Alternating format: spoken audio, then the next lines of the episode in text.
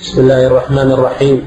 الحمد لله رب العالمين وصلى الله وسلم على عبده ورسوله نبينا محمد وعلى آله وأصحابه أجمعين.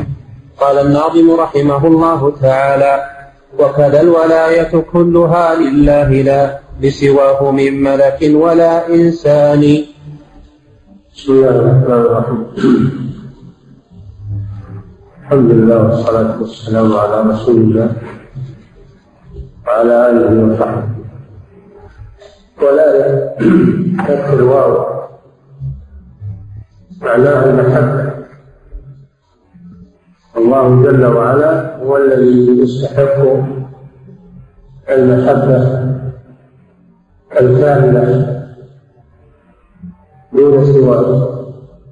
والمحبة هي أعظم أنواع العبادة. الذين آمنوا أشد حبا لله سوف يأتي الله بقوم يحبهم ويحبونه.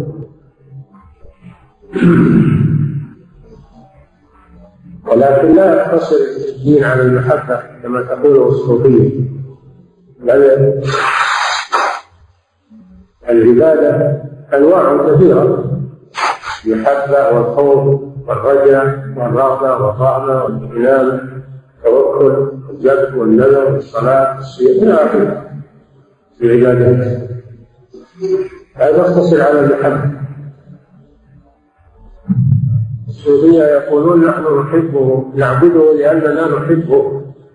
فقط لا أننا نخاف من النار أو نطمع في الجنة من نعبده من أجل المحبة. هذا كلام باطل. الرسل هم أكمل الناس محبة لله وهم يعبدونه خوفا ورجاء ويدعوننا رغبا ورهبا الرغب هذا هو الرجاء والرهب هو الخوف. ويرجون رحمته ويخافون عذابه. أولئك الذين يدعون يبتغون إلى ربهم الوسيلة أيهم أقرب ويرجون رحمته ويخافون عذابه. لا بد من الجمع بين المحبة والخوف والرجاء. ولهذا يقول العلماء من عبد الله بالمحبة فهو سوء ومن عبد الله بالخوف فقط فهو خارجي خوارج ومن عبد الله بالرجاء فقط فهو مرجي من المرجئة. فلا بد من الجمع بين الخوف والرجاء والمحبة. الولاية معناها المحبة وهي كلها لله سبحانه. هنالك الولاية لله الحق. يوم القيامة لا يبقى إلا المحبة إلا محبة الله والمحبة لله عز وجل. وأما المحبة من لغير الله فإنها تنقلب عداوة على خلاه يومئذ بعضهم لبعض عدو إلا المتقين. فلا يبقى إلا محبة الله يوم القيامة ومحبة ما يحبه الله عز وجل من الأعمال والأشخاص. نعم. والله لم يفهم أولو الإشراك ذا ورآه تنقيصا أولو النقصان. وكذا الولاية كلها لله لا لسواه من ملك ولا إنسان. الولاية الولاية هي بالكسر السلطة والملك الولاية. الولاية والسلطة والملك لله سبحانه وتعالى. ولا يبقى لأحد الملك يوم القيامة. لمن الملك اليوم لله الواحد القهار. يوم القيامة لا يبقى لأحد الملك. الملك لله سبحانه وتعالى. والله سبحانه وتعالى ولي الخلق يعني يتولى شؤونهم المؤمن والكافر. الله ولي المؤمن وولي الكافر بمعنى أنه يتولى شؤونهم ويدبر أمورهم. ثم ردوا إلى الله مولاهم الحق وضل عنهم ما كانوا. يفترون يعني ردوا إلى مالكهم وخالقهم سبحانه وتعالى. ظلت الأصنام والمعبودات من دون الله عز وجل. فهو مالك الملك سبحانه وتعالى ومالك العباد وربهم سواء المؤمن أو الكافر. لا يبقى مالك إلا هو سبحانه وتعالى. فله الولاية وله الولاية. كلاهما نعم. والله لم يفهم أولو الإشراك ذا ورآه تنقيصا أولو النقصان. إذ قد, نعم. إذ قد تضمن عزل من يدعى سوى الرحمن بل أحدية الرحمن. الولاية لله عز وجل هذا يتضمن عزل من سواه من الأصنام والأشجار والأحجار. التي يعبدها المشركون.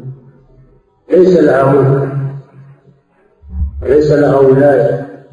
الملك لله سبحانه وتعالى. له ملك السماوات والأرض والذين يدعون من دونه ما يملكون من قسمه ليس لأحد الملك في هذا الكون إلا الله سبحانه وتعالى. هو المنتج بالملك والتدبير. لكن أهل الإشراك لم يفهموا هذا. لذلك إلى الأصنام والأشجار والأحجار.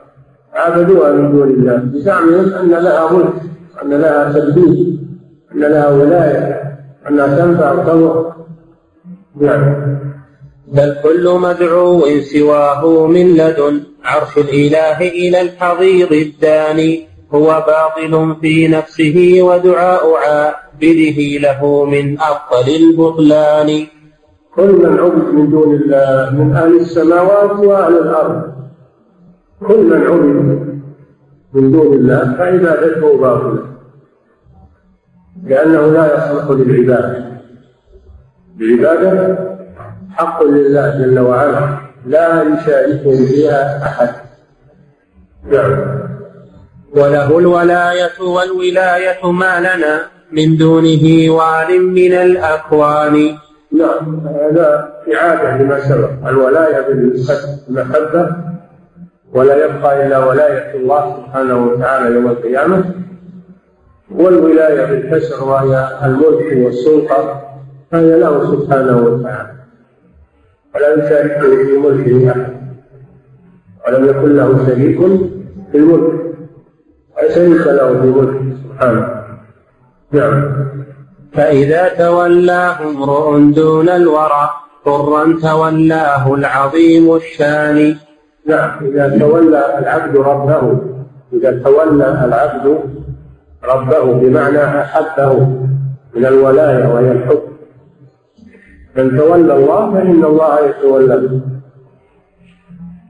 إذا تولاه امرؤ تولى الله سبحانه امرؤ دون الورع تولاه العظيم الشان من باب الجزاء.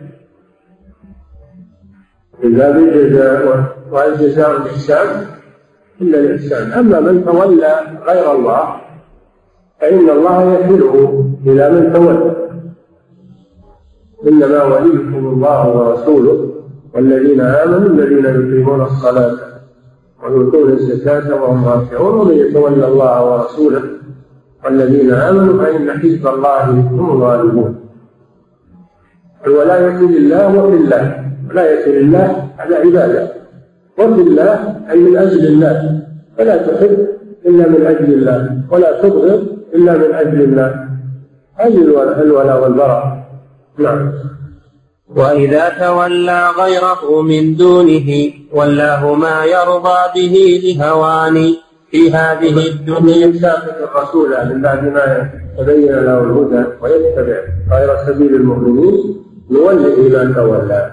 ونصله جهنم ساءت مصيرا من تولى غير الله يعني احب غير الله محبة العبادة الذين يحبون الأصنام ويحبون الآلهة غير الله إن الله يكلهم إليها يوم القيامة وهي تتبرأ منهم يوم القيامة. فيبقون بلا بلا ولي. قال تعالى الله ذلك بأن الله مولى الذين آمنوا وأن الكافرين لا مولى لهم. يوم القيامة يبقون ما لهم من يتولاهم. يدبر شؤونهم يبقون بلا مولى. فالولاية بمعنى المحبة هذه خالصة لله سبحانه. وأما الولاية فمعناها السلطة والملك كلاهما لله. الولاية والولاية. نعم. إذا تولاه امرؤ وإذا تولاه وإذا تولى غيره من دونه ولاه ما يرضى به لهوان في هذه الدنيا وبعد مماته وكذاك عند قيامة الأبدان نعم في يوم القيامة يتبرأ المتبوعون من التابعين يتبرأ الذين اتبعوا من الذين اتبعوا ورأوا العذاب وتقطعت بهم الأسباب في يوم القيامة تنقطع. العلاقة ولا يبقى إلا العلاقة مع الله سبحانه وتعالى. تنقطع المحبة إلا محبة الله سبحانه وتعالى نعم حقا يناديهم ندى سبحانه يوم المعاد فيسمع الثقلان. يا من يريد ولاية الرحمن دون ولاية الشيطان والأوثان. فارق جميع الناس في إشراكهم حتى تنال ولاية الرحمن. إذا أردت ولاية الله سبحانه وتعالى فاترك ولاية غيره من الأشجار والأشجار والقبور والأضرحة وكل المعبودات. اترك ولاية ما عبد من دون الله. إذا كنت تريد ولاية الله. أما إذا اتخذت هذه الأشياء من دون الله فإن الله جل وعلا يتخلى عنك ويكلك إليها في الحديث من تعلق شيئا وكل إليه. نعم. يكفيك من وسع الخلائق رحمة وكفاية ذو الفضل والإحسان. وكيف تعرض عن الله سبحانه وتعالى وتتولى غيره؟ وهو سبحانه بيده مقاليد السماوات والأرض. بيده الأمور وهو واسع الرحمة وواسع المغفرة وواسع الرزق وغيره لا يملك آه، مثقال ذر ولا يملك قدمه ولا يملك شيئا. كيف تعرض عن ولاية الله إلى ولاية غيره؟ هل هذا إلا من الخذلان كيف تنصرف عن ولاية الله الذي بيده كل شيء وهو أرحم الراحمين وتتولى من لا ينفعك ولا يضرك بل لا ينفع نفسه ولا يضرك ولا يملك لنفسه نفعا ولا ضرا. نعم. يكفيك من لم تخل من إحسانه في طرفة بتقلب الأجفان كيف الله ينعم عليك؟ الله خلقك ورزقك وأنعم عليك وأمدك بنعمه ثم تعرض عنه إلى غيره. تعبد الأصنام والأشجار والأحجار والأموات تعرض عن الله إلى غيره ممن لا يملك شيئا ولم يوصل إليك أي إلا إلا أن هذا من عمى البصائر نعم. يكفيك رب لم تزل ألطافه تأتي إليك برحمة وحنان. نعم ولهذا في الحديث القدسي أن الله سبحانه وتعالى يقول أنا وابن آدم في نبأ عظيم. أخلق أخلق ويعبد غيري وأرزق ويشكر سواي. الله يرزقهم وخلقهم ومع هذا يصرفون العبادة لغير الله سبحانه وتعالى هل هل هذه المعبودات خلقتهم؟ هل هي رزقتهم؟ هل هي كفت عنهم شرا أو دفعت عنهم ضررا؟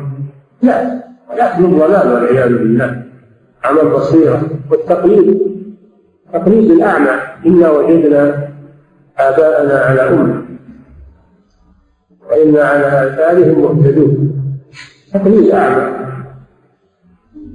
أولو كان آباؤهم لا يعقلون شيئا ولا يهتدون لا يجوز للإنسان يقلد تقليدا أعمى إذا صار آباؤك مشركين ومن أهل النار هل ترضى لنفسك تكون مشركا؟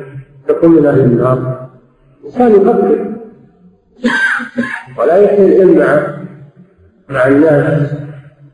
وتأخذ الحمية والعصبية بالباطل مذهب عن بلده أو مذهب جماعته أو مذهب شيخه الذي يعظمه. أن تأخذ العصبية يتبع الحق يتبع الحق.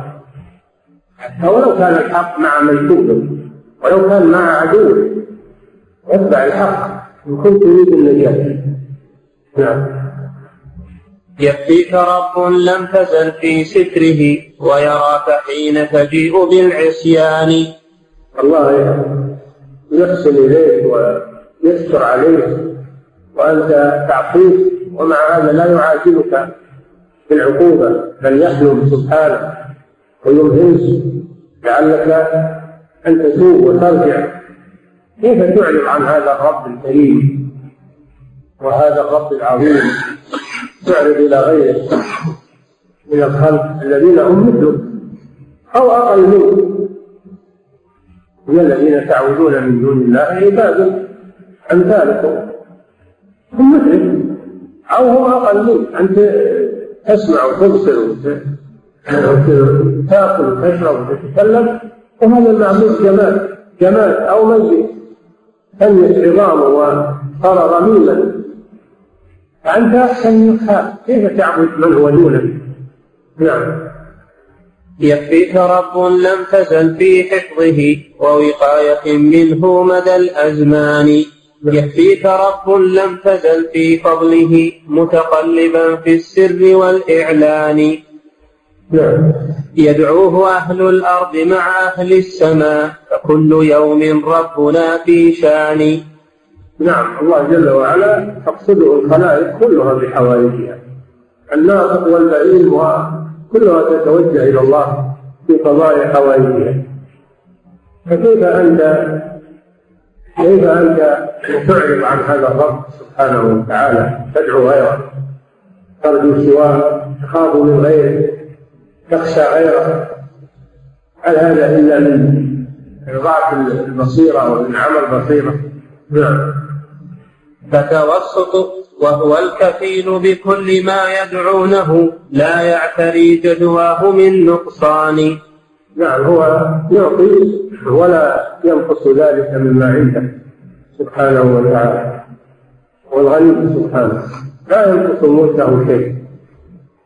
خلاف المخلوق. إن كان المخلوق غنيا وعنده أموال لكن أمواله هذه على سبيل الزوال وعلى سبيل النقص إذا دفع منها شيء نقص لذلك يكره أنه يعطي منها لأنها تنقص أو يريد لها الزيادة.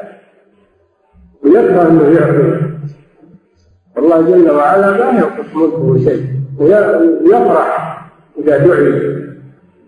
ويدعو عباده إلى أن يسألوه ويدعوه. وابن آدم يعرض عنك ولا يريد منك تسأله. ولا يسمع منك السؤال إلا مكرها مجاملا أما الله جل وعلا فإنه يقول هل من سائل فأعطيه هل من داع فأستجيب له؟ هل من مستغفر فأغفر له؟ كيف يعرض العبد عن هذا الرب سبحانه وتعالى؟ نعم. فتوسط الشفعاء والشركاء والظهراء أمر بين البطلان. الذين يتخذون الشفعاء عند الله والوسطاء والوسائل كما يقولون. هذا بين البطلان كما سبق. الله جل وعلا ليس بحاجة إلى أن تتخذ من يتوسط لك عنده في في قضاء حوائجك بل أمرك أن تدعوه مباشرة وأن تسأله حاجته. ووعدك أن يجيب دعاءك لست بحاجة إلى إلى واسطة فلان أو علان هذا عند الملوك ملوك الدنيا. هم اللي بحاجة إلى الوساطة وإلى الشفعاء وإلى أما الله جل وعلا فإنه لا ليس بحاجة إلى هذا. فتح بابه للسائلين ودعاك إلى أن تدعوه وأن تسأله. فلماذا تعدل عن الله وتروح لغيره تقول يا فلان توسط لي عند الله يا ميت اشفع لي عند الله يا قبر يا شجر يا حجر. تجعل وسائل بينك وبين الله شفعاء كما يقول المشركون هؤلاء شفعاؤنا عند الله. أمر من انتكاس الفطر تغير العقول. والغالب إنه من التقليد الأعمى يقلد الآخر الأول على ما هو عليه من غير تفكير من غير نظر. نعم. ما فيه إلا محض تشبيه لهم بالله فتوسط الشفعاء والشركاء والظهراء أمر بين البطلان. كما سبق. نعم. ما فيه إلا محض تشبيه لهم بالله وهو فأقبح البهتان. فمن اتخذ الوسائط والشفعاء عند الله فقد شبه الله بالملوك والرؤساء. الذين لا يقضون حوائج الناس إلا بالوسائل والشفعاء عندهم. قاس الله بخلقه. تعالى الله عن ذلك. هذا سبق بيانه. نعم. مع قصدهم تعظيمه سبحانه. ما عقلوا الأوصاف للرحمن. المشركون اتخذوا الوسائل اتخذوا الوسائل عند الله هذا باطل كما سبق.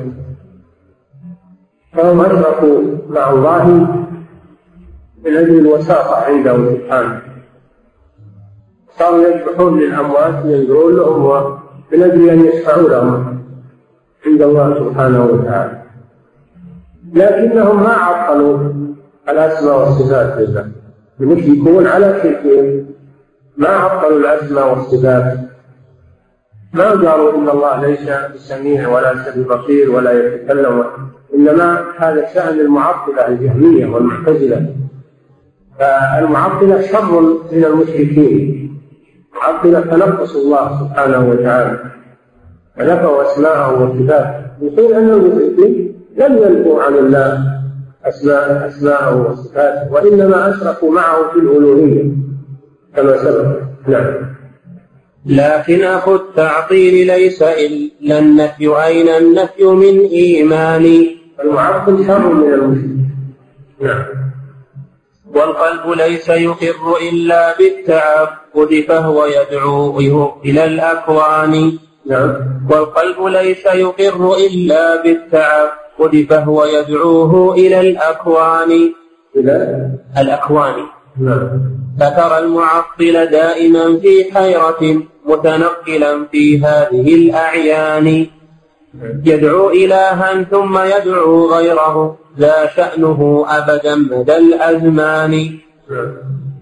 وترى الموحد دائما متنقلا بمنازل الطاعات والإحسان. العلماء يقولون انتبه العلماء يقولون إن المعطل يعبد عدما يعبد عدما لأنه يعبد ربا ليس له صفات وليس له أسماء وليس له. هذا معدوم. كل موجود لابد له من صفات لابد له من أسماء ولابد الذي ليس له أسماء وليس له صفات هو المعدوم فالمعطل يعبد عدما والممثل الذي يمثل صفات الله صفات خلقه وهو على النقيض من المعطل هذا يعبد صنما. يعبد صنما. لا يعبد الله عز وجل إنما يعبد مخلوقا. يقول صفاته كصفات فلان ويده كيد فلان صار معناه أنه يعبد مخلوق. لأنه شبه الله بالمخلوق. لا فرق بين المخلوق وبين الله عنده. فهو يعبد صنما لا يعبد الله. الله لا ليس كمثله شيء. ليس كمثله شيء. فأول الآية رد على المعطلة أول الآية رد على الممثلة. ليس كمثله شيء. وآخرها رد على المعطلة وهو السميع البصير. هذا هو الرب سبحانه وتعالى. اتصف بصفة التنزيه عن النقص وصفة الكمال وهي السمع والبصر وبقية الصفات. المعطل يعبد عدما والمشبه يعبد صنما. وأما الموحد فهو يعبد الله. الذي يثبت لله الأسماء والصفات ويخلص له العباد هذا يعبد ربا واحدا صمدا. نعم هذه عبارته المعطل يعبد عدما والمشبه يعبد صنما والموحد يعبد إلها واحدا صمدا. نعم. ما زال ينزل في الوفاء منازلا وهي الطريق له إلى الرحمن. هذا الموحد. والموحد؟ وترى الموحد دائما متنقلا بمنازل الطاعات والإحسان. ما زال ينزل في الوفاء منازلا وهي الطريق له إلى الرحمن. يشتغل بالعبادة الموحد يشتغل بعبادة الله جل وعلا بأنواعها. العبادة القلبية المحبة والخوف والرجاء والرهبة والرغبة. والعبادة البدنية الصلاة الصيام والحج والجهاد.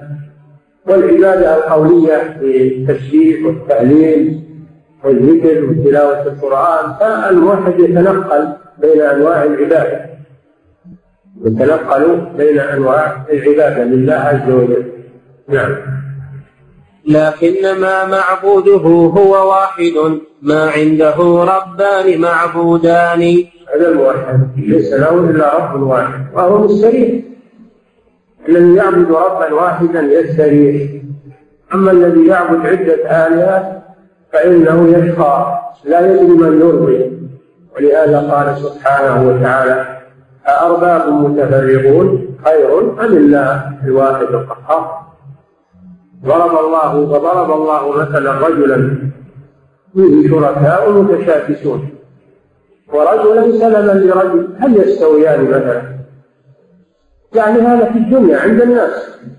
المملوك الرقيق إذا كان مالكه واحد يستريح مع هذا الواحد. لأنه يعني يعرف مراده يعرف مطلوبه ويستريح معه. وأما الذي له عدة مالكين لو كان عبد له عدة يعني شركاء يملكونه فإنه يشقى معه. ما يدري من يرضي كل واحد له رغبة. كل واحد له حاجة. فهو يفهم معه. فضرب الله مثلا رجلا فيه شركاء متشاكسون. ورجلا سلما لرجل. هل يستويان مثلا؟ الحمد لله. بل أكثرهم لا يعلمون. هذا مثل. هذا مثل للموحد ومثل للمشرك. نعم. فصل في مثل المشرك والمعطل. لما هو لا يزال يتكلم عن المشرك والمعطل. من منذ منذ أبيات كثيرة. وهو في هذا الموضوع. أراد أن يضرب مثلا للمشرك. للمعطل أولا. المعطل يقول لله ليس لك سمع وليس لك بصر. وليس لك كلام وليس لك يد ولا وجه ولا إرادة ولا مشيئة ولا ولا ولا ولا وأنت لست فوق العالم ولا داخل العالم ولا خارج العالم ولا ولا هذا المعطل هذا المعطل إذا ماذا أبقى؟ ما هو هذا الرب الذي هذا هذا شأنه عند هذا المعطل أصبح معلوما. هذا مثل المعطل وما قال كذا لكن يلزم على على مذهبه يلزم على مذهبه هذا الكلام. كأنه يقول لله أنت لست أنت لست تسمع ولا تبصر ولا تتكلم ولا تعطي ولا تمنع ولا ولست مستوى مستويا على العرش ولست فوق العباد ولست مع العباد ولست خارج الملك ولا داخل الملك ولا يمنع ولا يشرع إلى اخره هذا مش انتهى إليه. انتهى إلى العدم بل انتهى إلى المستحيل. ليس العدم الممكن بل العدم المستحيل والعياذ بالله. هذا مثل المعطل المشرك مثله كمثل الذي أقر لله بالأسماء والصفات والملك والربوبية. ولكن قال أنا أتقي معك شركاء أتقي معك شركاء يرفعون حوائجي إليك يبلغونك عنه. يعني هل الله ما يعلم عن حوائج؟ فالمشرك يعني المشرك أقل أقل شرا من المعطل وإن كان المشرك كما ذكر الله سبحانه وتعالى لكنه أقل. أقل من المعطل في مسألة آه، الاستحالة و لأنه أقر بوجود الله وأقر بأسماء الله وربوبيته واعترف أنه لا يخلق ولا يرزق ولا يدبر إلا الله. لكن اتخذ معه إلها في العبودية فقط. وأيضا ما يقول انه شريك لله يقول إنه شريك عند الله. أو إنه يقربني إلى الله فهو بزعمه يعظم الله. بهذه الوسائل عند هذا الزعم تعظيم. يقول أنا ما أصل من الله الله عظيم والله. هذا الزعم تعظيم لله. هو أقل اسما وأقل شركا وكفرا من المعطل والعياذ بالله. تنبهوا لهذا. انه مثال صحيح.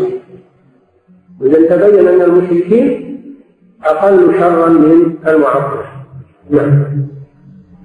أين الذي قد قال في ملك عظيم من لست فينا قط ذا سلطان هذا المعطل نعم. ما في صفاتك من صفات الملك شيء كلها مسلوبة الوجدان فهل استويت على سرير الملك أو دبرت أمر الملك والسلطان أو كنت مرسوما تنفذه الرعايا أو نطقت بلفظة ببيان. أو كنت ذا أمر وذا نهي وتكليم لمن وافى من البلدان. أو كنت ذا سمع وذا بصر وذا علم وذا سخط وذا رضوان. أو كنت قط مكلما متكلما متصرفا بالفعل كل زمان. أو كنت حيا فاعلا بمشيئة وبقدرة أفعال ذي السلطان. هذا كله مذهب مع الله سبحانه وتعالى. نعم. أو كنت تفعل ما تشاء حقيقة الفعل الذي قد قام بالأذهان. فعلا فعلا. أو كنت تفعل ما تشاء حقيقة الفعل الذي قد قام بالأذهان. فعل يقوم بغير فاعله محال غير معقول بذي الإنسان. بل حالة الفعال قبل ومع وبعد هي التي كانت بلا فرقان. والله لست بفاعل شيئا إذا والله لست بفاعل شيئا إذا ما كان شأنك منك هذا الشان. لا داخلا فينا ولست بخارج. عنا خيالا درت في الأذهان. فبأي شيء كنت فينا مالكا ملكا مطاعا قاهر السلطان. اسما ورسما لا حقيقة تحته شأن الملوك أجل من ذا الشان. ملوك الدنيا يعني هذا وثان قال رحمه الله جمع كل قول المعطلة في هذه الأبيات في حق الله سبحانه وتعالى. هل الذي يقول هذا يقال إنه مؤمن أو مسلم؟ تعالى الله عن ذلك. هذا قول فرعون والنمرود وأتباعه. نعم. هذا وثان قال أنت مليك هذا مثل المشرك انتهى. المثل المعصم نعم. هذا وثان قال أنت مليكنا وسواك لا نرضاه من سلطان. يعني أقر بتوحيد الربوبية. هذا المشرك أقر بتوحيد الربوبية ولم يشهد منه شيئا. نعم أما المعطل فإنه جحد توحيد الربوبية وتوحيد الألوهية. بالصوت نعم هذا وثان قال أنت مليكنا وسواك لا نرضاه من سلطان. إذ حزت أوصاف الكمال جميعها ولأجل ذا دانت لك الثقلان. وقد استويت على سرير الملك واستوليت معها. الملك يعني العرش. يعني العرش العرش في اللغة سرير سرير الملك. يعني. وقد استويت على سرير الملك واستوليت مع هذا على البلدان. لكن بابك ليس يغشاه.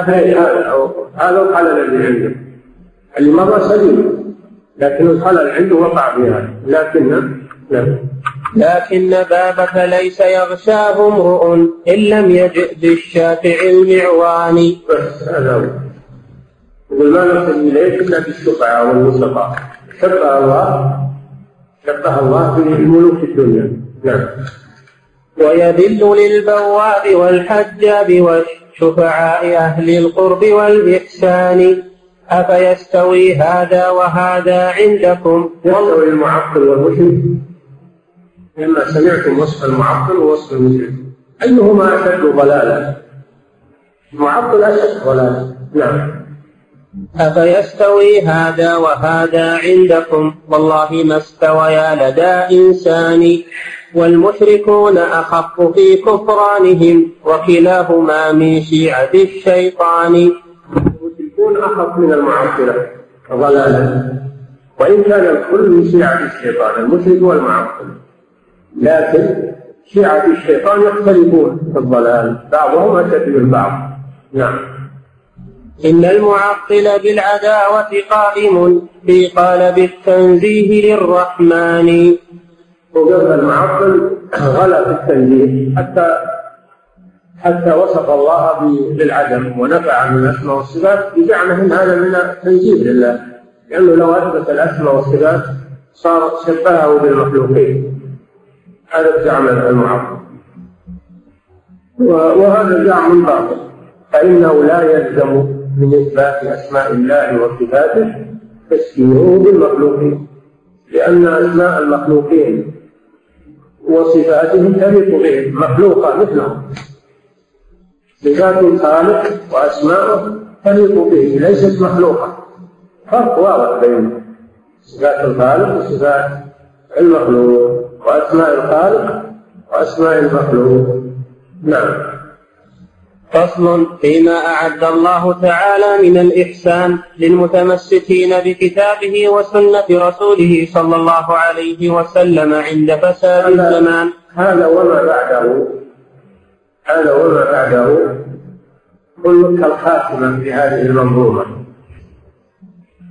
ذكر فيما سبق أقوال الفرق وأقوال أقوال العالم وجال فيها رحمه الله الصلاة ثم انتهى إلى النتيجة. نعم. هذا وللمستمسكين بسنة المختار عند فساد ذي الأزمان. أجر عظيم ليس يقدر قدره إلا الذي أعطاه للإنسان. يقول لك انتبه لأنه في آخر الزمان يزيد الشر يزيد الكفر يزيد الشرك ويزيد الإلحاد. كما تعلمون كما هو واقع الآن. يقول خلك متمسك بالكتاب والسنة ولا تنسى.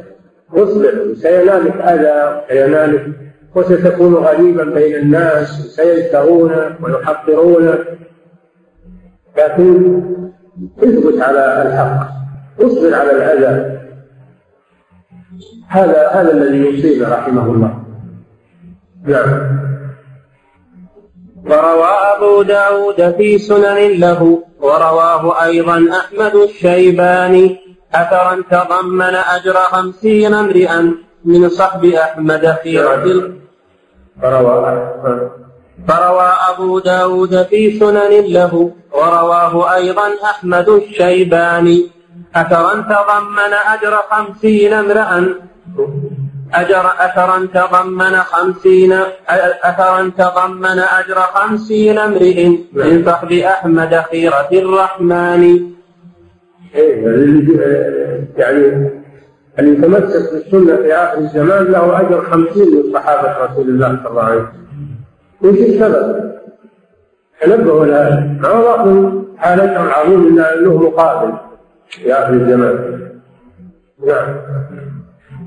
إسناده حسن ومصداق له في مسلم فافهمه فهم بيان أن العبادة وقت هرج هجرة حقا إلي وذاك ذو برهان. وجاء في الحديث أيضا أن العبادة وقت الهرج يعني وقت الاختلاف وقت سفك الدماء والعياذ بالله والفتنة فالذي يشتغل بعبادة الله ويترك الدخول في الفتن هذا كالمهاجر لأن الهجرة معناها ترك شيء فهو ترك الفتن وما عليه الناس وأقبل على عبادة الله وتمسك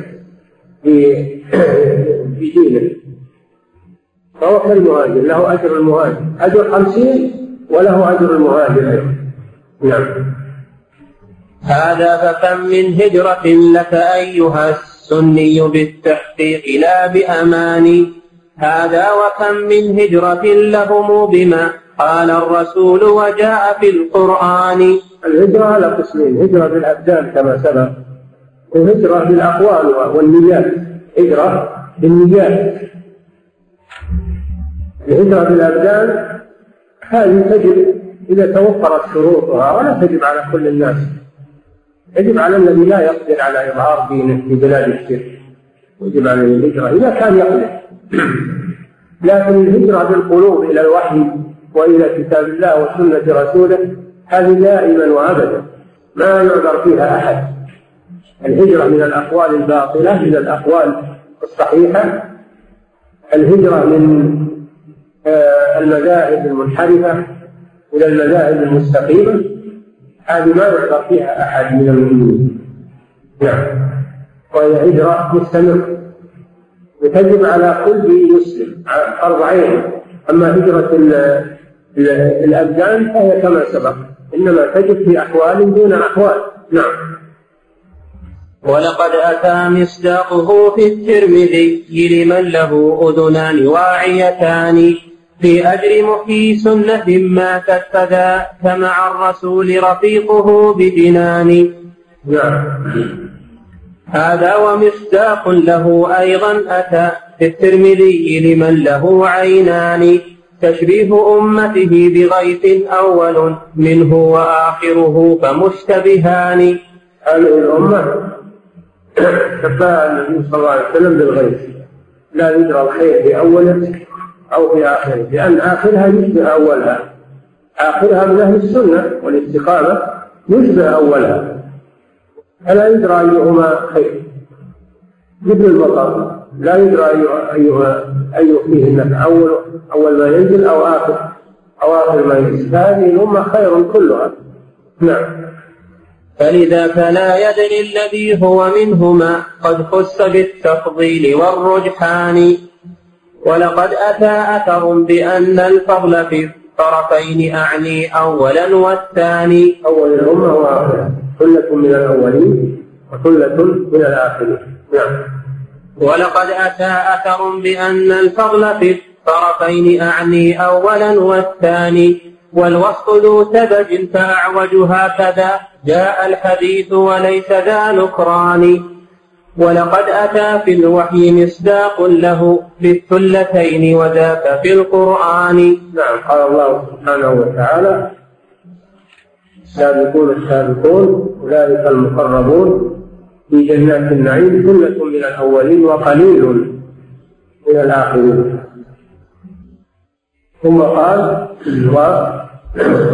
وأصحاب اليمين ما أصحاب اليمين في سدر مخضود وطلح منضود وظل ممدود وماء مسكوب وفاكهة كثيرة لا مقطوعة ولا ممنوعة وفرش مرفوعة إنا أنشأناهن إنشاء هذه أزواج وجعلناهن أبكارا عربا أترابا لأصحاب اليمين ثلة من الأولين وثلة من الآخرين. من أول الأمة وآخر الأمة فأصحاب اليمين في أولها وفي آخرها سواء. أما السابقون فهم في أولها أكثر ثلة من الأولين وقليل من الآخرين. هذا لا يكون هذا في السابقين. أهل اليمين فثلة مع مثلها والسابقون أقل في الحسبان. ماذا؟ السابقون في المتأخرين أقل. أما أصحاب اليمين فهم موجودون في الأولين وفي الآخرين. ثلة من الأولين وثلة من الآخرين. وجميع الثلتين في هذه الأمة المحمدية. نعم. ما ذاك إلا أن تابعهم هم الغرباء ليست غربة الأوطان. لكنها والله غربة قائم بالدين بين عساكر الشيطان. ليس غريب وطن هو في بلده وما راح البلد الثاني هو في بلده لكن هو غريب في دينه. غريب في دينه بين الفاسدين من أهل بلده. فهو في بلده لكنه غريب. كيف يكون غريب وهو في بلده؟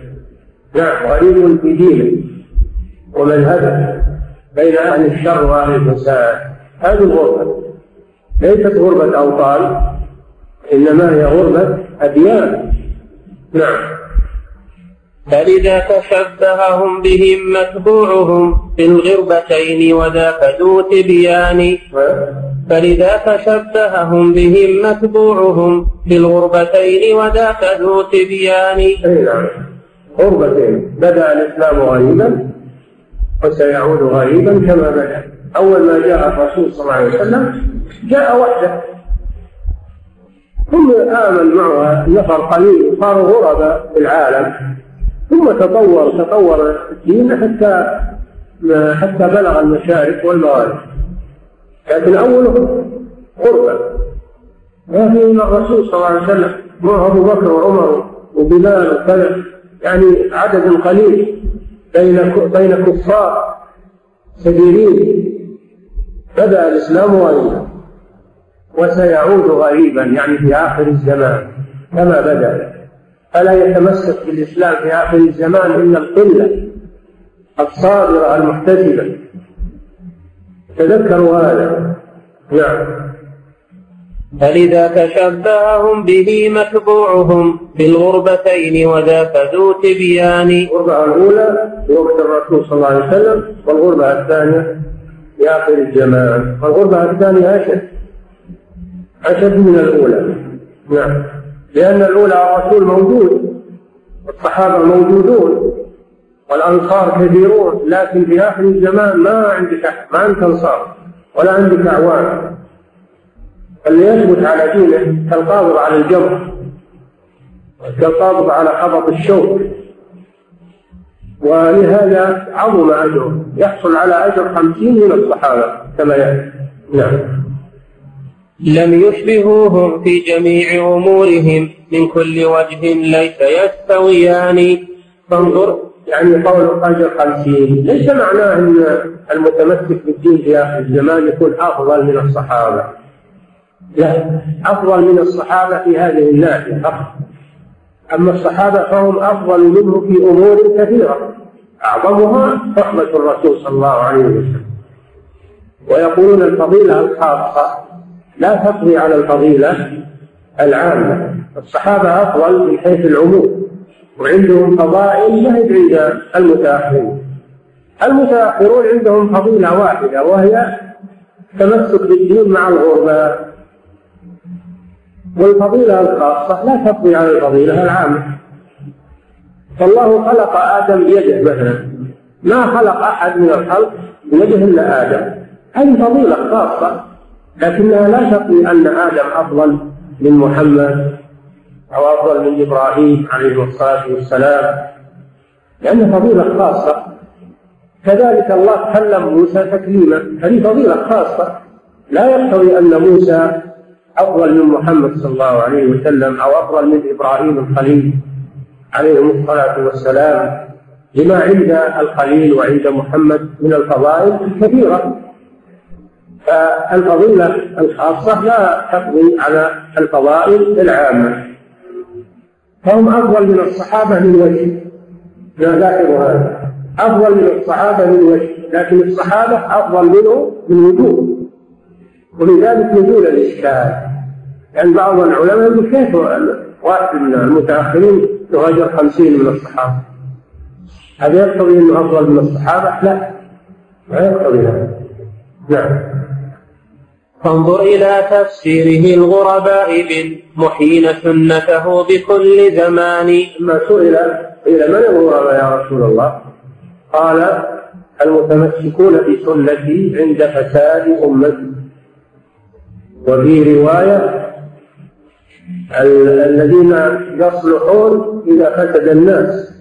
وفي رواية ثالثة الذين يصلحون ما أفسد الناس. من يصبر على هذا في آخر الزمان إلا واحد عنده إيمان قوي عنده صبر وثبات ولا الأمة كلها تبي تصير لكن ما صار عنده ثبات وصار عنده إيمان قوي فهو يذهب مع الرياح. ولا حول ولا قوة إلا بالله. نعم. طوبى لهم والشوق يفدوهم إلى أخذ الحديث ومحكم القرآن. اي نعم. الآن يقولون لكم أنتم ما تزالون رجعيين جامدين. تشتغلون بالحديث والقرآن وتخلون العلوم والتقنيات والأمور العصرية والمدنية. ويزهدون يقولون أنتم مشغولون بالفقه والتوحيد.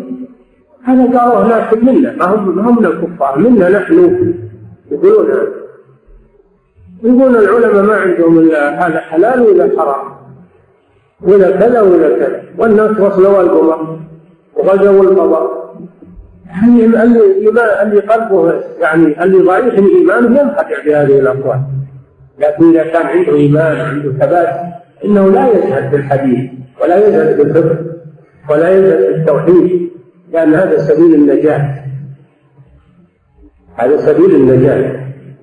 أما الذي عليه هؤلاء فهو سبيل الهلاك. وإن كان مزخرفا ومنمقا عند الناس وزهرة الحياة الدنيا. لكنه ابتلاء وامتحان عالم مثل منه ولا يذهب في علوم الشريعة وتعلم العلم النافع ما يستجيب هذا من تجهيد هؤلاء المغرورين المخدوعين. الآن في الصحف يسنون حملات ضد العلم ويريدون يغيرون المناهج التي في المدارس والمعاهد والكليات يغيرونها ويخلونها مدنية. بدل ما هي علوم شرعية وعربية يريدون يغيرونها ولا يخلون إلا أسمى فقط أسمى للدين. فيجب الثبات على على الحق. نعم. طوبى لهم لم يعبغوا بنحافة الأفكار أو بزبالة الأذهان. طوبى لهم ركبوا على متن العزائم قاصدين لمطلع الإيمان طوبى لهم لم يعبأوا شيئا بذي الآراء إذ أغناهم الوحيان طوبى لهم وإمامهم دون الورى من جاء بالإيمان والفرقان والله ما اهتموا بشخص دونه إلا إذا ما دلهم ببيان نعم. لا يهتمون إلا بالرسول صلى الله عليه وسلم. قد كان لكم في رسول الله أسوة حسنة من كان يرجو الله واليوم الآخر. وكذلك يهتمون بأهل العلم المقتدين بالرسول صلى الله عليه وسلم. يهتمون بالعلماء المقتدين بالرسول صلى الله عليه وسلم. أما المخالفين للرسول فإنهم لا يهتمون بهم ولا يقتدون بهم. نعم. في الباب آثار عظيم شأنها. هذا الباب العظيم باب الغربة. فيه آثار أحاديث عظيمة شأنه. أشكلت على العلماء فكيف العوام؟ فلا بد من جواب عنها. تنبهوا. نعم. في الباب آثار عظيم شأنها أعيت على العلماء في الأزمان. إذ أجمع العلماء أن صحابة المختار خير طوائف الإنسان. هذا لا شك فيه. أن الصحابة هم أفضل في الأمة. هذا لا شك فيه. هذا أصل مسلم ما في إشكال لكن جاء أحاديث أنه يكون في آخر الزمان من له أجر خمسين من الصحابة. فما الجواب عن هذا؟ تنبهوا لهذا. نعم. إذ أجمع العلماء أن صحابة المختار خير طوائف الإنسان. ذا بالضرورة ليس فيه الخلف بين اثنين ما حكيت به قولان. ما أحد يقول أن أن أحد ممن يأتي من من بعد الصحابة. ولو كان بلغ ما بلغ من العلم والعبادة لا يمكن أن يساوي أحدا من الصحابة. أبدا. نعم. فلذا فذي الآثار أعضل أمرها وبغوا لها التفسير بالإحسان. نعم. فاسمع إذا تأويلها وافهمه لا تعجل برد منك أو نكران. إن البدار برد شيء لأن بعض لأن بعض من المستعجلين في الجواب يقولون الحديث ما هي صحيحة ويردون بأن ما هي صحيحة المتمسك بالسنة في آخر الزمان يكون له أجر خمسين يبادرون بأنه ما هو صحيح. وهذا الجواب ما ما هو سديد واجب التثبت والإجابة في علم. هو بالإجابة في عجلة وقياس. باب التكذيب وباب التجريح. لأنه ما تبين لك ولا تبين لك تفسيره. لا. على الأقل توقف إذا ما تبين لك تفسيره ولا وجه توقف. أما أن تثبت تقول ما هو صحيح هذا فهو الجواب هذا؟ نعم. إن البدار برد شيء لم تحط. هذه قاعدة نعم. إن البدار برد شيء لم تحط علما به سبب إلى الحرمان. كما قال تعالى بل كذبوا بما لم يحيطوا بعلمه ولما ياتهم تأويل لا تبادر إلى التكذيب وإلى الرد لأنك عجزت عن الجواب. على الأقل توقف بالما الله أعلم. نعم. الفضل منه مطلق هذا الجواب. هذا الجواب. أن الصحابة لهم فضل مطلق لا يجاريهم فيه أحد. هذا بالإجماع أما من يأتي بعدهم فلهم فضل مخصص بسبب من الأسباب وهذا لا يقتضي أن يكون أفضل من الصحابة. هذا الذي حاز على قبيلة خاصة في آخر الزمان لا يقتضي أنه أفضل من الصحابة. الصحابة عندهم فضائل كثيرة وهذا ما عنده إلا هذه الفضيلة. فقط نعم. الفضل منه مطلق ومقيد وهما لأهل الفضل مرتبتان.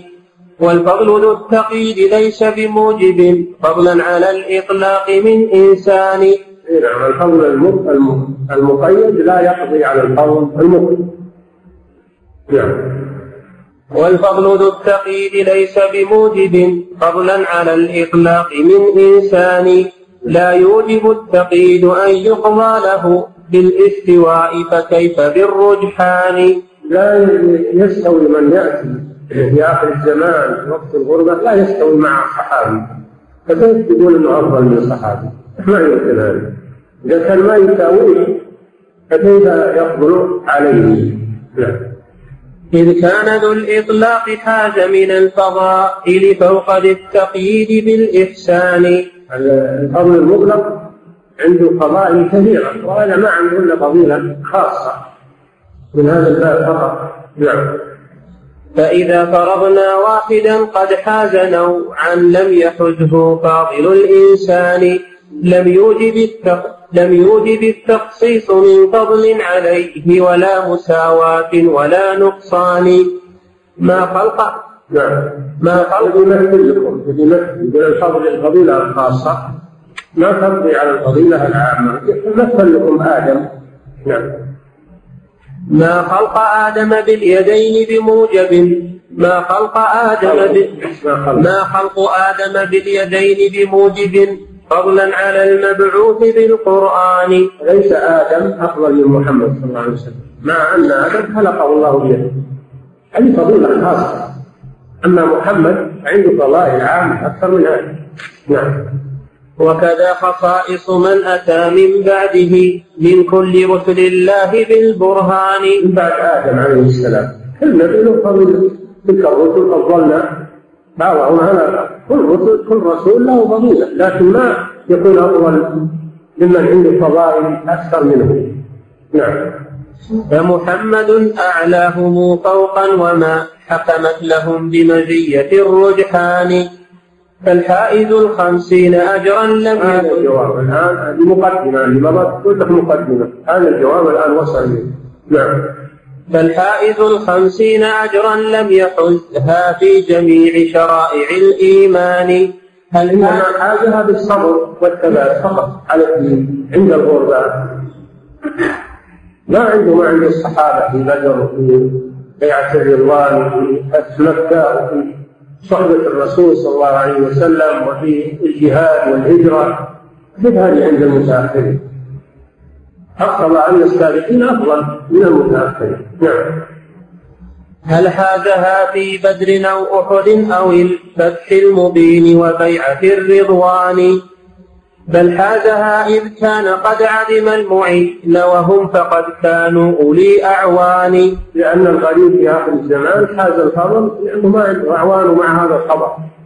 مثبت أما الصحابة كان عندهم أعوان وكان الرسول صلى الله عليه وسلم موجودا. فهم من هذه الناحية صار صار عندهم فضيلة خاصة والصحابة عندهم فضائل عامة. في بدر في أحد وفي بيعة الرضوان في فتح مكة في الهجرة والجهاد مع الرسول صلى الله عليه وسلم وأعظم ذلك صحبة الرسول صلى الله عليه وسلم ما يعجبها شيء. نعم. والرب ليس يضيع ما يتحمل المتحملون لأجله من فتحمل العبد الوحيد رضاه مع فيض العدو وقلة الأعوان مما يدل على يقين صادق ومحبة وحقيقة العرفان نعم. هذا الباب باب عظيم وهو باب الغربة في آخر الزمان باب عظيم. تكلم عليه الناظم رحمه الله كلام جيد مفصل والحافظ ابن رجب أيضا له رسالة في هذه المسألة اسمها كشف الكربة في حال أهل الغربة. مطبوعة. نعم. واصل أحسن الله إليك لا نقف عندنا أحسن الله إليكم صاحب الفضيلة. يقول في كتاب التوحيد بوب الشيخ محمد بن عبد الوهاب رحمه الله بابا قال باب قول الله تعالى وهم يكفرون بالرحمن فكأنه يشير إلى أن المشركين يعطلون الله عن صفاته. بينما سمعنا شرحكم في الأبيات السابقة بأنهم لم ينكروا الصفات فكيف نجمع بين هذا وهذا؟ ما أنكروا كل الأسماء أنكروا الرحمن فقط. اسم الرحمن فقط. ما أنكروا كل الأسماء. الجهمية أنكروا كل الأسماء. وكل الصفات. المعتزلة أنكروا آه، الصفات كلها أما المشركون أنكروا واحدا من الأسماء فقط. ولهم كل المشركين أيضا. هم كل المشركين. هم مشركوا مشركوا قريش. الذين جاءوا يوقعون الصلح مع الرسول صلى الله عليه وسلم. مشركوا قريش فقط. أو كل المشركين. يتكلم عن المشركين عموما. نعم. أحسن الله إليكم. صاحب الفضيلة يقول كيف أعرف أني أحب الله ورسوله صلى الله عليه وسلم؟ واضح هذا. تحبه إذا كان ما يحبه الله أحب إليك. إذا كان ما يحبه الله أحب إليك. وتقدمه على ما تحبه نفسك. هذه علامة محبة الله. ما إذا كان العكس؟ تقدم ما تحبه نفسك على ما يحبه الله. هذا دليل على قلة محبتك لله عز وجل. أو عدمها الأمر واضح في هذا ولهذا يقول بعض السلف لا تكونوا محبا لله حتى يكون ما يكره الله أمر عندك من الصبر. أمر من الصبر. ما يكره الله وما يبغضه الله. هذه علامة المحبة؟ نعم. أحسن الله إليكم. صاحب الفضيلة يقول ما حكم هذه العبارة؟ وهي قول أجبرتني الظروف. لا ينبغي إطلاق هذه العبارة لا يقول أجبرتني الظروف. الظروف يكذب الأمر بيد الله سبحانه وتعالى. فلا يقول ما تيسر لي ما حصل لي ما حصل لي أجي ما حصل لي أفعل كذا وكذا. لا يقول ينسب الأمر للظروف والوقت نعم. أحسن الله إليكم. صاحب الفضيلة يقول ما صحة هذه المقولة حيث قالها بعض الكتاب؟ إني أستحي من الله أن أقول أو أدعو أن يغفر لي. استغفر الله هذا ضلال. يستحي من الله أن يسأله المغفرة من يقول هذا؟ هذا كلام باطل. هذا كلام باطل. هذا كلام الصوفية اللي يقولون نحن ما نعبد الله طمعا في جنته ولا خوفا من ناره لأن هذه عبادة التجار. وأما نحن فنعبد الله لأننا نحبه فقط. هذا من كلام الصوفية نعم. أحسن الله إليكم صاحب الفضيلة. يقول هل يجوز أن يدعو الإنسان بأن يكون من الغرباء حتى يحصل على فضيلة الغربة في الدين؟ يسأل الله العافية. الإنسان يسأل الله العافية. لأنه ما يدري يثبت ولا ما يثبت لكن يسأل الله العافية. لكن إذا ابتلي يصبر إذا ابتلي فإنه يصبر يسأل الله الثبات. نعم. أحسن الله إليكم. صاحب الفضيلة يقول بعض النساء يذهب بأهله للأسواق النسائية من أجل الشراء أو من أجل أن ترفه المرأة أطفالها من خلال الألعاب. ولكن يوجد في هذه الأسواق النسائية نساء يلبسن البنطال. فهل هذا المنكر مانع من دخول النساء لهذه الأسواق؟ نعم.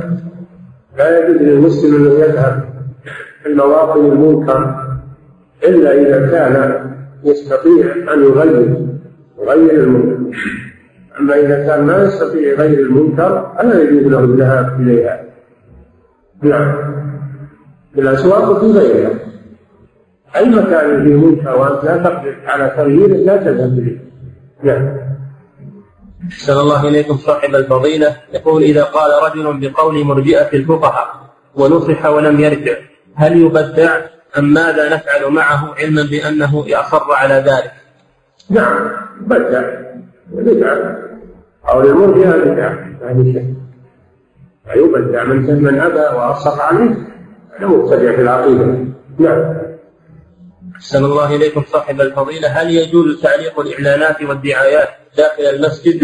وما حكم تعليقها على المسجد من خارجه؟ وفقكم الله. لا يجوز إعلان الدعايات تعليق الدعايات والإعلانات داخل المسجد. لأن هذا يشغل المصلي. ولأن المسجد ما هو محل إعلانات. وقد نهي عن إنشاد الضالة فيه. ونهي عن البيع والشراء في المسجد. فلا يتخذ المسجد للإعلانات. أما تعليقها خارج المسجد فلا مانع منه. تعليقها خارج المسجد.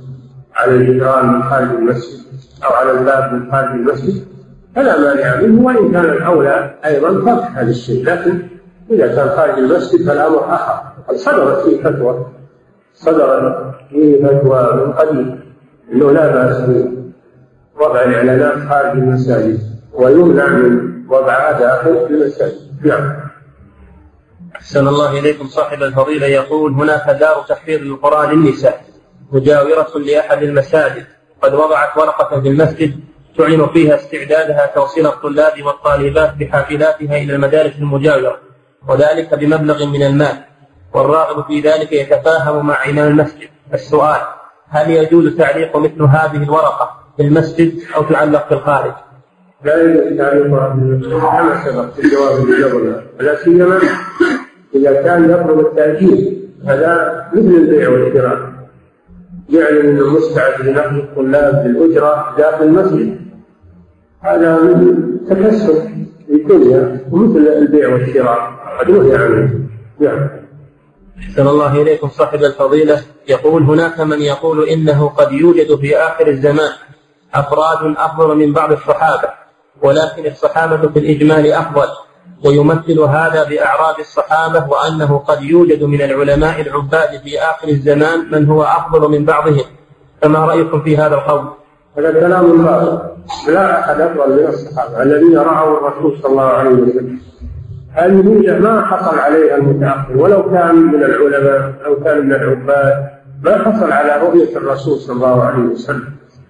فلا أحد أفضل من الصحابة. لا يجوز هذا الكلام. أبدا. نعم. أحسن الله إليكم صاحب الفضيلة. هذا يقول في إحدى لما قال بعض الناس لبعض السلف أيهما؟ أفضل عمر بن عبد العزيز ولا معاوية بن أبي سفيان. قال الغبار الذي دخل في أمر معاوية مع رسول الله صلى الله عليه وسلم أفضل من عمر بن عبد العزيز. الغبار بس. والصحابة ما يعادلهم أحد أبدا. نعم. صلى الله إليكم صاحب الفضيلة يقول في إحدى اللوحات الإعلانية الكبيرة عبارة تقول حسابان ينقذان الشيشان. ويقصد يقول في إحدى اللوحات الإعلانية الكبيرة عبارة تقول حسابان ينقذان الشيشان. ويقصد بالحسابين الحساب البنكي. فما حكم هذه العبارة؟ حسابان حسابان ينقذان الشيشان. حسابان ينقذان الشيشان ويقصد بالحساب بين الحساب البنكي اولا وضع الإعلان في المسجد. سبق لكم ما يجوز لا للشيشان ولا غيره. ما يجوز وضع الإعلانات في المساجد. وثانيا الإنقاذ بيد الله سبحانه وتعالى. هذا من المبالغة في الكلام. لكن يكون يساعد يساعد حسابان يساعدان الشيشان المساعدة لا بأس. أما الإنقاذ فلا ينقذ إلا الله سبحانه وتعالى. نعم. أحسن الله إليكم صاحب الفضيلة يقول ذكر ابن تيمية رحمه الله في قاعدة جليلة في التوسل والوسيلة أن الإمام أحمد يرى جواز التوسل بذوات الرسول بذات الرسول صلى الله عليه وسلم. السؤال هل ينكر على من يرى هذا القول؟ وإن لم يرتدع هل يهجر؟ أولا ما يذكره الشيخ رحمه الله أو غيره ما يؤخذ على طول بل ينظر في السياق ماذا قال الشيخ هل جاء ورد هل نقض بما بعد ينظر في كلام الشيخ. عندما ذكره الشيخ وبس. ويظن الظان أن الشيخ يذكره هو ويرده فيما بعد ويناقشه. وأنا أعرف أو يغلب على ظني إن هذه الرواية عن الإمام أحمد ضعيفة. ضعيفة. وحتى لو ثبتت الإمام أحمد رحمه الله مجتهد. وكل مجتهد يخطئ ويصيب فلا يجوز التوسل بذوات المخلوقين إلى الله سبحانه وتعالى؟ ما يجوز هذا. ولو إن الإمام أحمد صح إنه قال هذا القول فإنه يؤخذ من قوله وينكر مثل غيره من المجتهدين مثل مالك ومثل أبي حنيفة ومثل الشافعي. يؤخذ من قوله يؤخذ ما وافق الدليل يترك ما قال مع أن هذه الروايه ان يغلب على ظني انها فيها كلام لاهل العلم.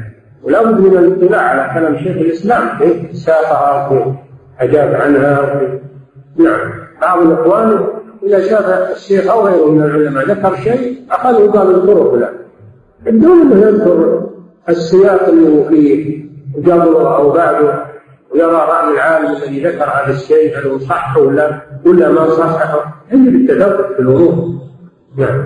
أو بننزع الكلمة ونخلي الباب. نعم. أحسن الله إليكم صاحب الفضيلة. يقول إذا كان الرجل به سلس البول متى يتوضأ للصلاة يوم الجمعة؟ هل يتوضأ عند الأذان الأول أم الثاني؟ والله إذا أراد يصلي. إذا أراد يصلي توضأ. إذا أراد يذهب للمسجد توضأ. وفي هذا الوقت الحمد لله توفرت المياه عند المساجد. وهو إذا أراد يدخل المسجد عند الإقامة يتوضأ.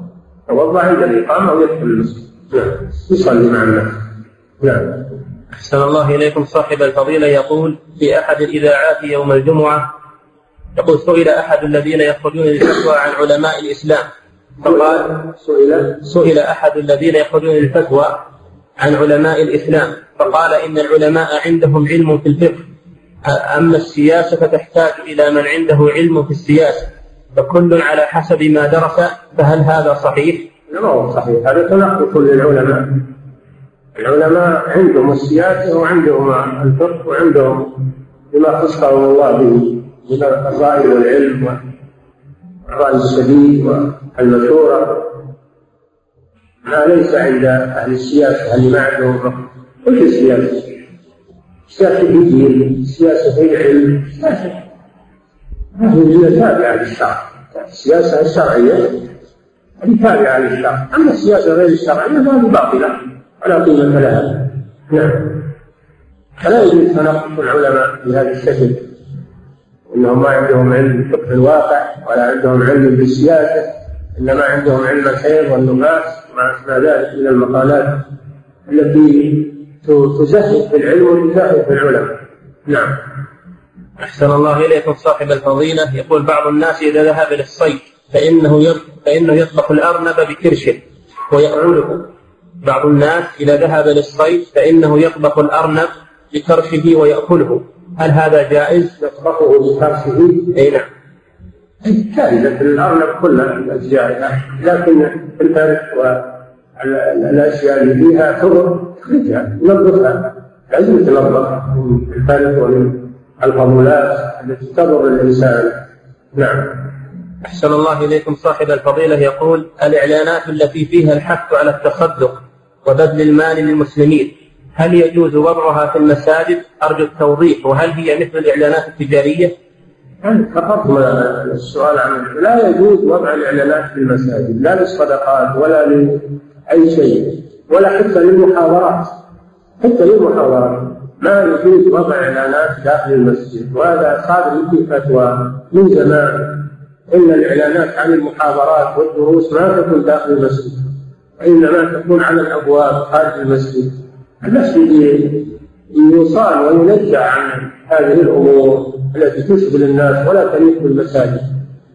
الإعلانات في الشوارع ما في, الأسواق. الإعلانات في الشوارع وفي الأسواق وليست في المساجد. نعم. انتهى الله تعالى صلى الله وسلم على نبينا محمد وعلى آله وصحبه أجمعين.